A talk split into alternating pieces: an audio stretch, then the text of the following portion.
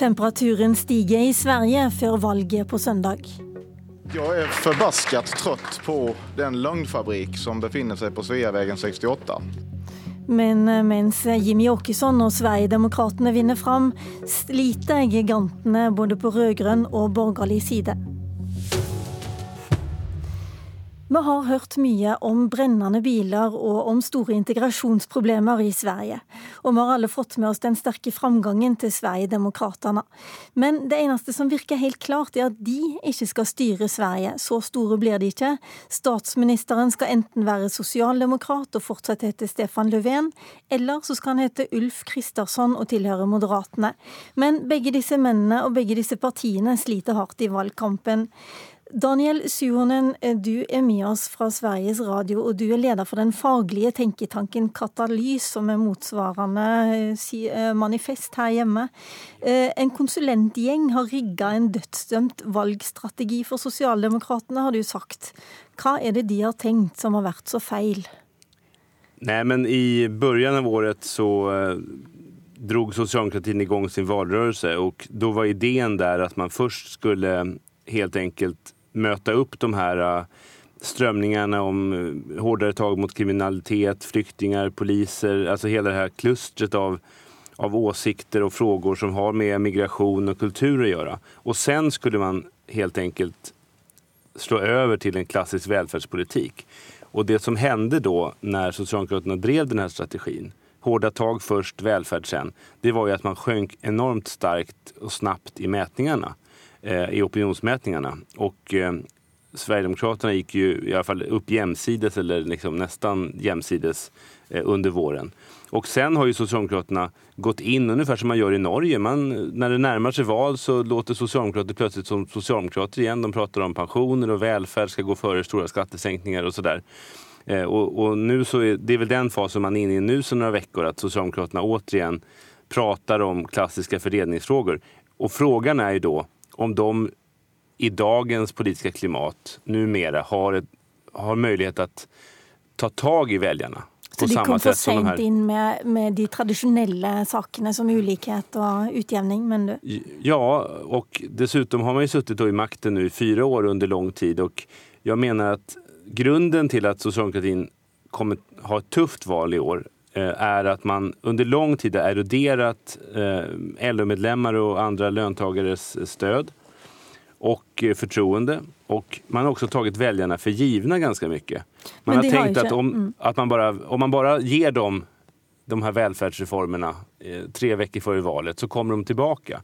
Och det som har hänt är ju i Sverige som i andra länder att socialdemokratin inte ensam appellerar till de här grupperna utan man har, det finns andra partier, i, det här, i Sverige Sverigedemokraterna, som har en politik som som arbetarklassen och även andra grupper lyssnar väldigt mycket på. Men LO-ledaren i hvert fall var inte färdig med Sverigedemokraterna da han i, i forrige uke mm. advarte på det starkaste mot eh, LO-medlemmarna mot att stämma på dem. Låt oss höra här. Om de får makten ihop med de borgerliga, då väntar tuffa, tuffa år för svenska löntagare. Det gör det. Jag säger nu öppet och ärligt innan valet, gör inte detta. Det blir farligt för din framtid. Har det hjulpit att advare så starkt som, eh, som det görs här? Skrämmebilder mot eh, Sverigedemokraterna?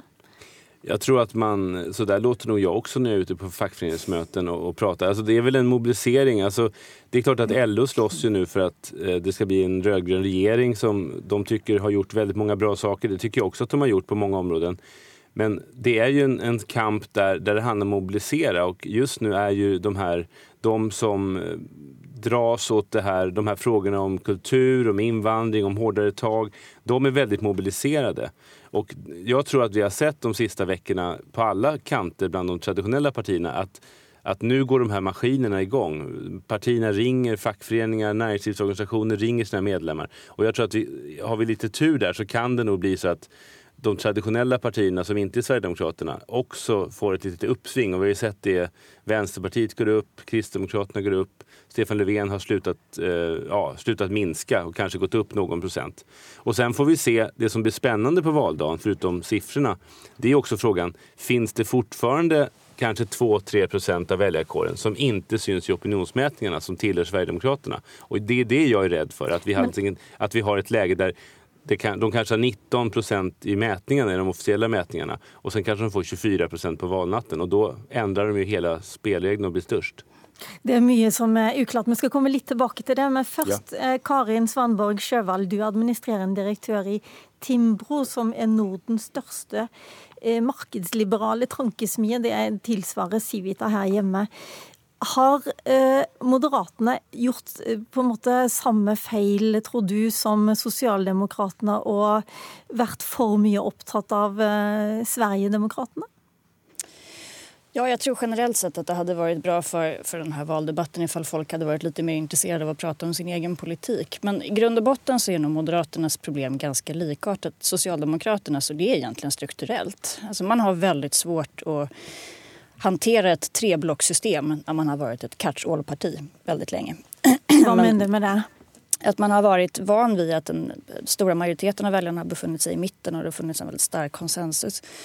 Och det vi kan se i det här valet är att det väljarna vill ha är profilering. Alltså de vill ha tydliga svar från politikerna, de vill ha tydliga alternativ. Eh, och därför så tror jag att det var ett misstag Också att Moderaterna till exempel släppte skattefrågan eh, på ett sätt som var ganska förvånande. Högerväljare vill ha låga skatter. Eh, nu har man släppt den frågan till Liberalerna och till Centerpartiet. Eh, och det gör att det blir liksom ganska otydligt vad det egentligen är de vill när de säger att vi behöver ett nytt ledarskap och det är viktigt med ett nytt ledarskap och så. Så där tror jag att, att Moderaternas kampanj har misslyckats. I, då förstås i kombination med att när, när man slår så hårt på stora trumman kring just att man vill ha en förändring och ett nytt ledarskap. Att man ju faktiskt har haft en hel mandatperiod när man inte har gjort någonting åt det faktum att vi har haft en väldigt svag regering som man, om man hade velat, hade kunnat göra sig av med. Men Ulf Kristersson, han är ju en, eh, ja, en sprek eh, statsministerkandidat som profilerar sig på mycket på joggetur, vill jag säga, när jag har sett på dessa kampanjerna. han, eh, han har gått också hårt ut mot Socialdemokraterna och haft en hård tone på de tar feil. De har ikke løst de store spørsmålene som, som de egentlig sier at eh, er viktigst for dem. F.eks. For i forhold til eh, lange ventelister i helsekøer, den type ting. Mm. Ja, och det är ju helt riktigt. Men det de hade behövt göra tidigare, eh, de kom på det lite sent var väl att de hade behövt bedriva ett tvåfrontskrig som var lika aggressivt mot Sverigedemokraterna som mot Socialdemokraterna. Nu har man, därför att man har varit så stressad över det här väljartappet skulle jag säga från eh, Moderaterna till Sverigedemokraterna också försökt, precis som Socialdemokraterna, att lägga sig väldigt nära dem i en hel del frågor som har med kriminalitet och hårdare tag och att man liksom nästan slåss med varandra om vem som har den hårdaste migrationspolitiken. Och nu kommer man in i ett läge när, när väljarna säger att jaha, okej, men ifall de i praktiken verkar ha samma politik, varför ska jag då inte rösta på de andra? Och nu har man börjat dra i full back eh, och gå på Sverigedemokraterna och har även höjt tonläget mot Socialdemokraterna. Men, men tajmingen har, har inte klaffat, skulle jag säga, för Moderaterna alls under den här valkampanjen. Varken de rödgröna eller den borgerliga alliansen har ju flertal och så länge de inte vill samarbeta med Sverigedemokraterna. Och det säger bägge sidor att de inte vill. Og da Stefan Löfven og Ulf Kristersson møttes i statsministerduell på fredag, så var spørsmålet hvem av dem som da bør ta makten. Det kan inte vara så att eh, det mindre blocket ska styra. Det tror jag ingen begriper. Det största blocket eh, kan ju få utgöra regeringsunderlag, men det måste också vara så att det största blocket kan visa att man får igenom sin politik. Mm. Och blir vi större så kommer jag ändå att söka eh, breda blocköverskridande Stefan, Stefan Löfven leder ett 24% parti som tror att han är ett 50% parti. Hur stora är ni? Det är bara att inse att ni inte är så. Ja, fortsätt Ulf Kristersson. Ja, sånn som det er, så gjør de begge det ganske dårlig. Men eh, på hvilken måte skal det bli eh, Altså, Hvordan ser dere på muligheten til at det skal bli en styrekraftig regjering i Sverige? Kan du prøve først, Syhonen? Jag tror att det kommer bli ganska... Jag tror att vi kommer få se en situation där det kan bli så att vi har flera regeringar under den här mandatperioden. Eh, Sverige har väldigt sällan att man går till extraval eller nyval som det kallas.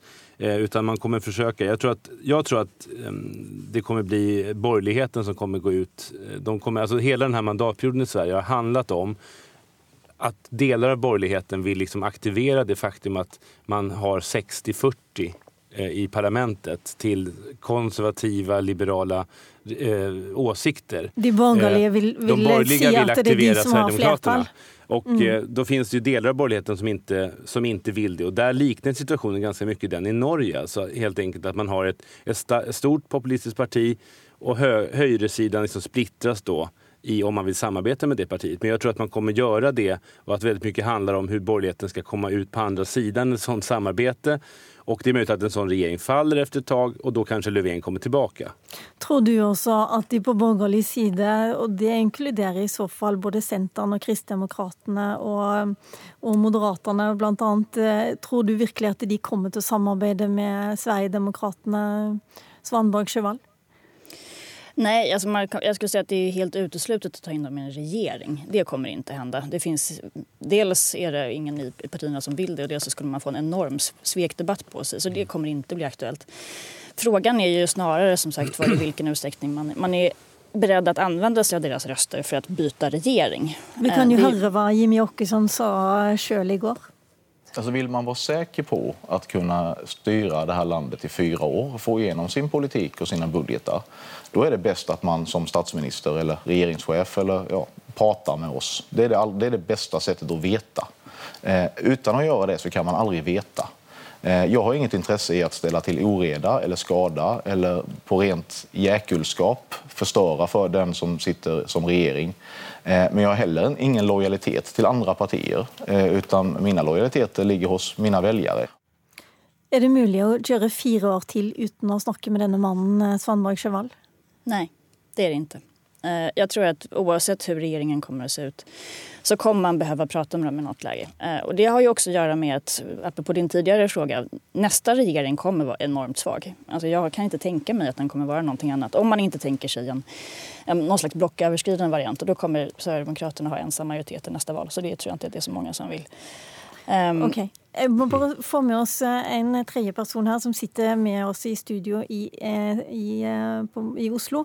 Anders Djupskås, du forskar bl.a. på nordiska partimedlemmar och så har du vært med på å skrive en bok om högerpopulismens framväxt. I hur stor grad ser du likhetstrekk mellan det de stora partierna sliter med i Sverige och det de sliter med her i Norge? Det er mange likhetstrekk. Hvis du tar Sosialdemokratene først, så det jo, står de overfor en slags trippel utfordring. De taper velgere. Eh, Riktignok taper jo de konservative partiene enda flere velgere til høyrepopulistene det Sosialdemokratene gjør, men, men, for Sosialdemokratene så flyttes disse velgerne over blokkgrensen så å si, til, til et høyrepopulistisk parti.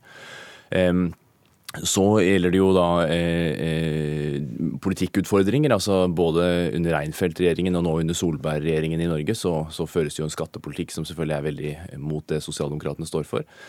Men så når det gjelder makt, muligheten til å ta makten igjen, så har jo sosialdemokratene i Sverige betydelig større problemer enn i Norge. Altså I Norge så har Arbeiderpartiet klart å samle en koalisjon, eh, med særlig da fått med seg Senterpartiet over på, på den, eh, på, i venstresideblokken, mens i i Sverige så har jo både Senteren og KD, eh, Kristdemokratene og liberalerne, veldig tydelig valgt side med, med Moderaterna og det konservative partiet.